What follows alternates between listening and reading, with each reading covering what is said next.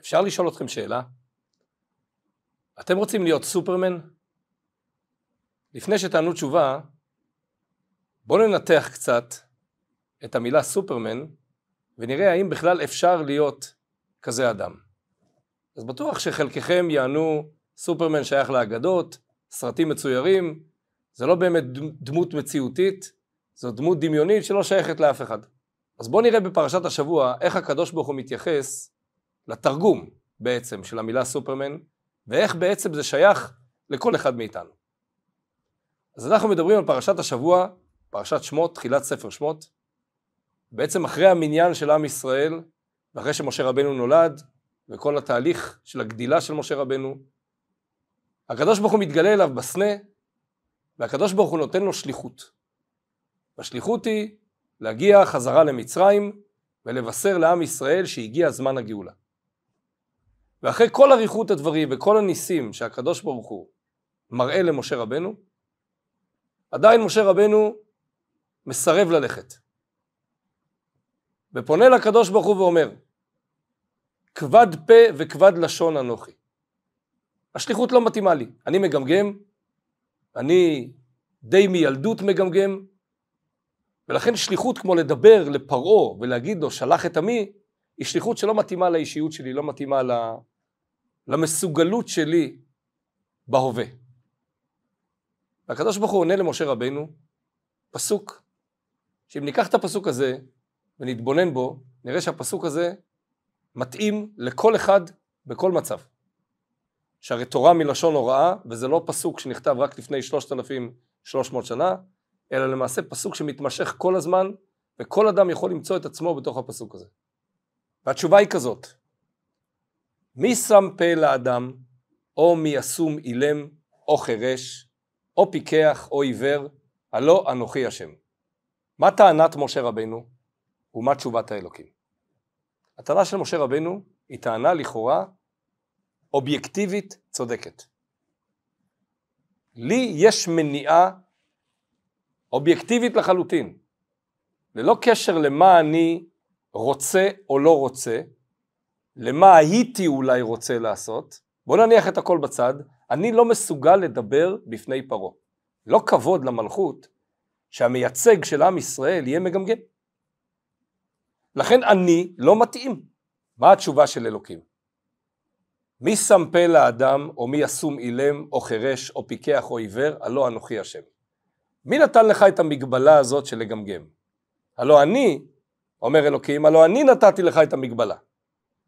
אז אחד מהשתיים, או שהמגבלה הזאת לא מפריעה מול פרעה, או אם אני ארצה אני אסיר ממך את המגבלה. בכל מקרה, המגבלה הזאת לא מגבילה אותך ללכת ולדבר לפרעה.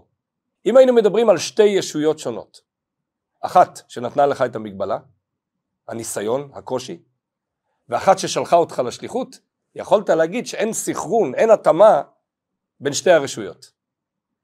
ומי שאמר לך ללכת לפרעה לדבר לא יודע או לא מספיק מודע לעובדה שאתה מגמגם. אבל היות ואני הוא זה שנתן לך את המגבלה, אני הוא זה שנתן לך את הקושי, ואני הוא זה שציווה עליך ללכת לפרעה, אין כאן שום קושי. אתה מסוגל ויכול וצריך ללכת לפרעה ולדבר ויצא מזה אך ורק טוב. למה? כי כך אני ציוויתי. כי כך אני יודע שצריך לעשות. ואתה צריך לסמוך על האלוקים שנתן את הציווי, שהוא מודע לכל המגבלות שלך, לכל הקשיים שלך, ועם כל זה נתן לך ציווי כי אתה מסוגל לבצע אותו הכי טוב שיש.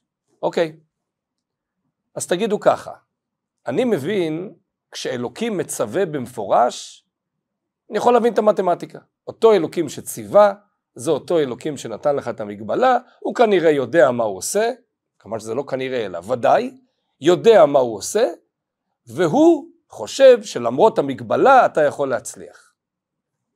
אבל אמרנו שהסיפור הזה הוא לא סיפור חד פעמי, הוא לא סיפור רק של משה רבנו, הוא למעשה סיפור שלנו, של החיים שלנו. איך מתרגמים את זה לחיים שלנו?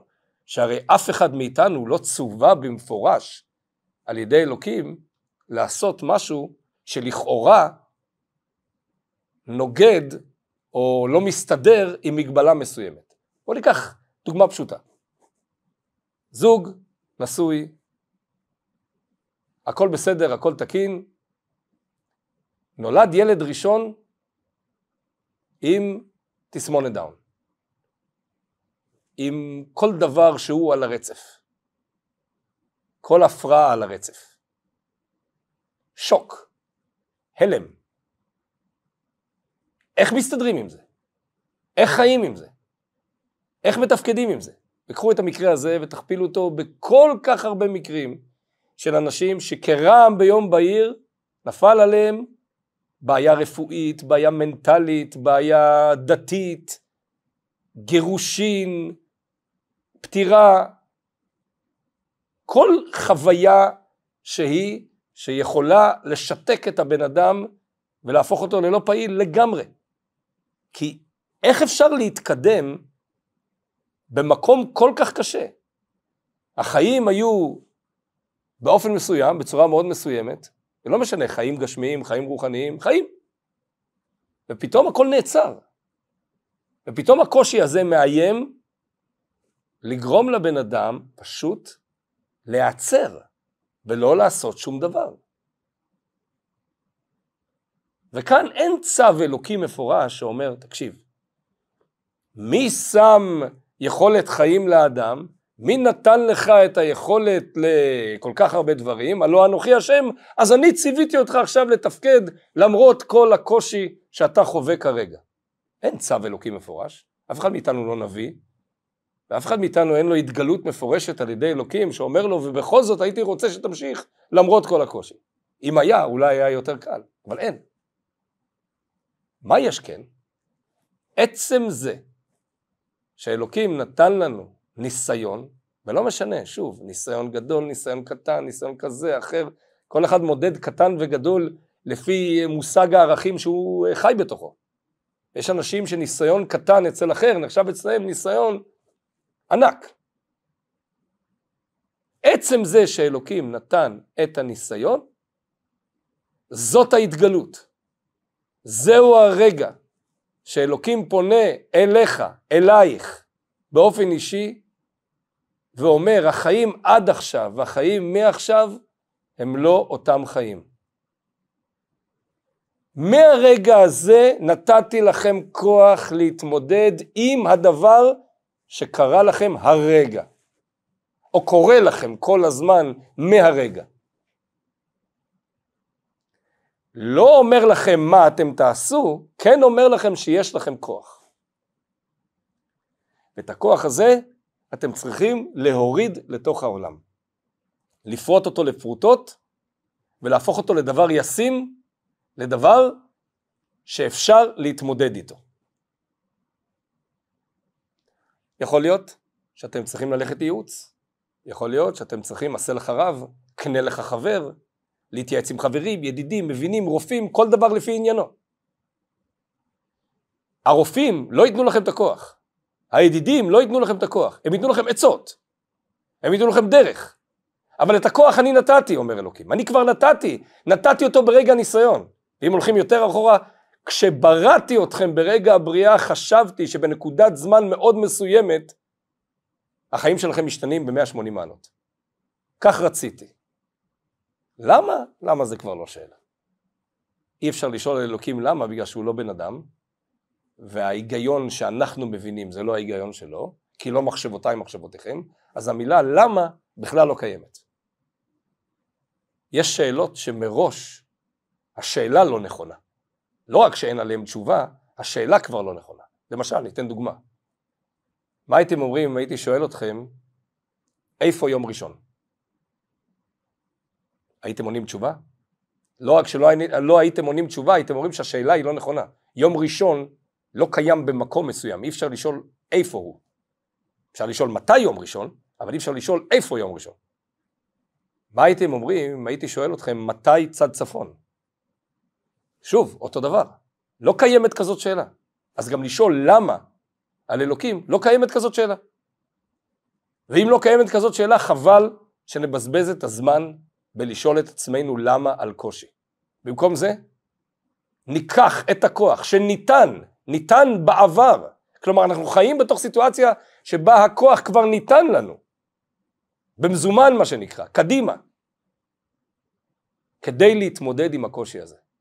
נאסוף עצות וחברים וידידים ורופאים ואנשי מקצוע מכל הכיוונים, אבל הכוח כבר ניתן.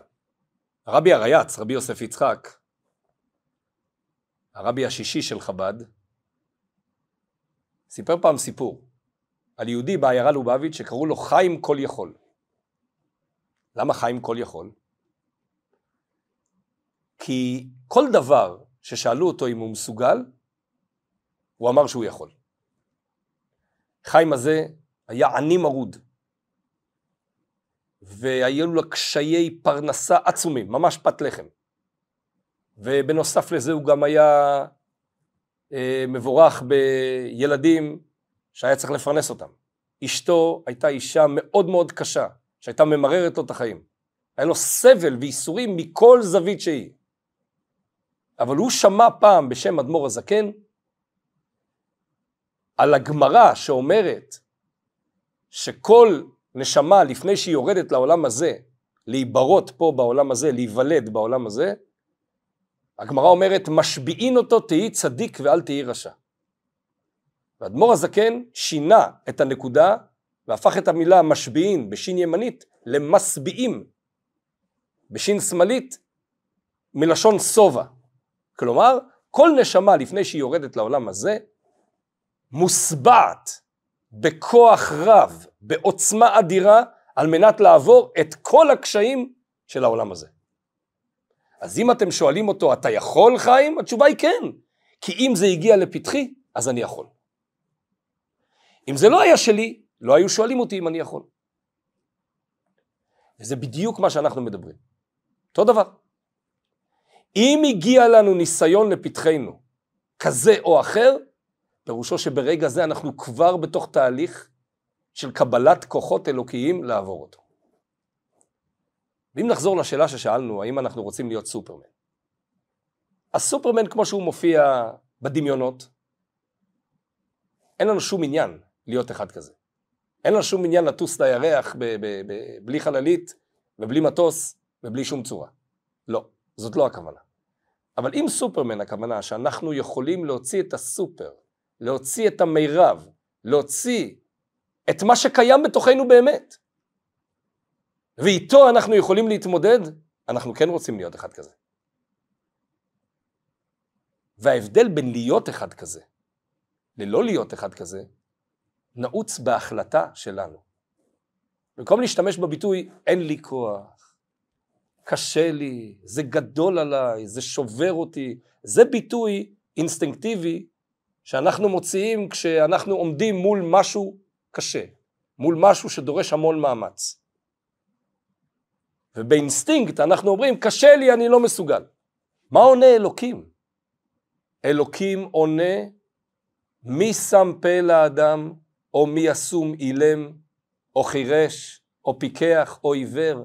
אני, הלא אנוכי השם. אני נתתי לך את הכוחות.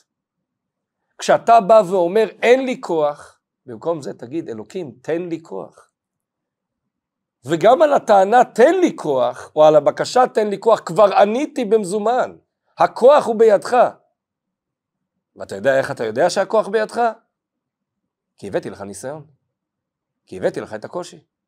כי הדילמה כבר לפתחך.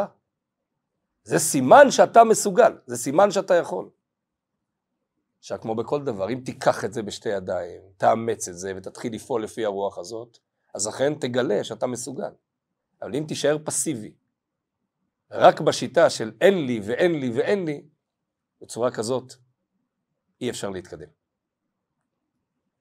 אז פרשת השבוע היא למעשה בכלל לא רק סיפור על משה רבינו, היא למעשה סיפור על כולנו, על כל אחד מאיתנו באשר הוא, לדעת לקחת את הכוח הזה, לדעת לזכור שהכוח הזה קיים בנו, לפתח אותו, לזכור שהכל מתנת שמיים, ועם הכוח הזה נצליח בעזרת השם לעמוד בכל הדברים, ובעזרת השם נזכה לזמן שבו לא יהיו ניסיונות בכלל, ויהיה ברכה בגשמיות וברוחניות, רפואה שלמה לכל אחד בכל המצטרך, ונזכה לגאולה האמיתית והשלמה במהרה בימינו, אמן.